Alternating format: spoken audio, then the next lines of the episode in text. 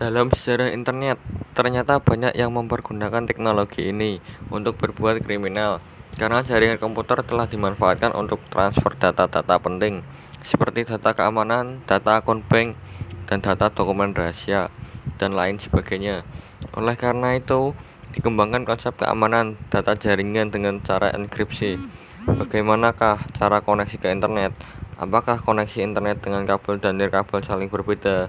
apakah inskripsi itu untuk mengetahui lebih lanjut mari kita simak materi berikut ini pada bagian ini dijelaskan tentang langkah-langkah untuk menghubungkan sebuah personal komputer atau PC ke internet lewat jaringan LAN. Tahapan yang dilakukan adalah sebagai berikut. 1. Membuat jaringan kabel. Siapkan semua perangkat keras yang digunakan untuk membuat kabel jaringan adalah kabel UTP, Cat5, konektor RG45, Berlindung konektor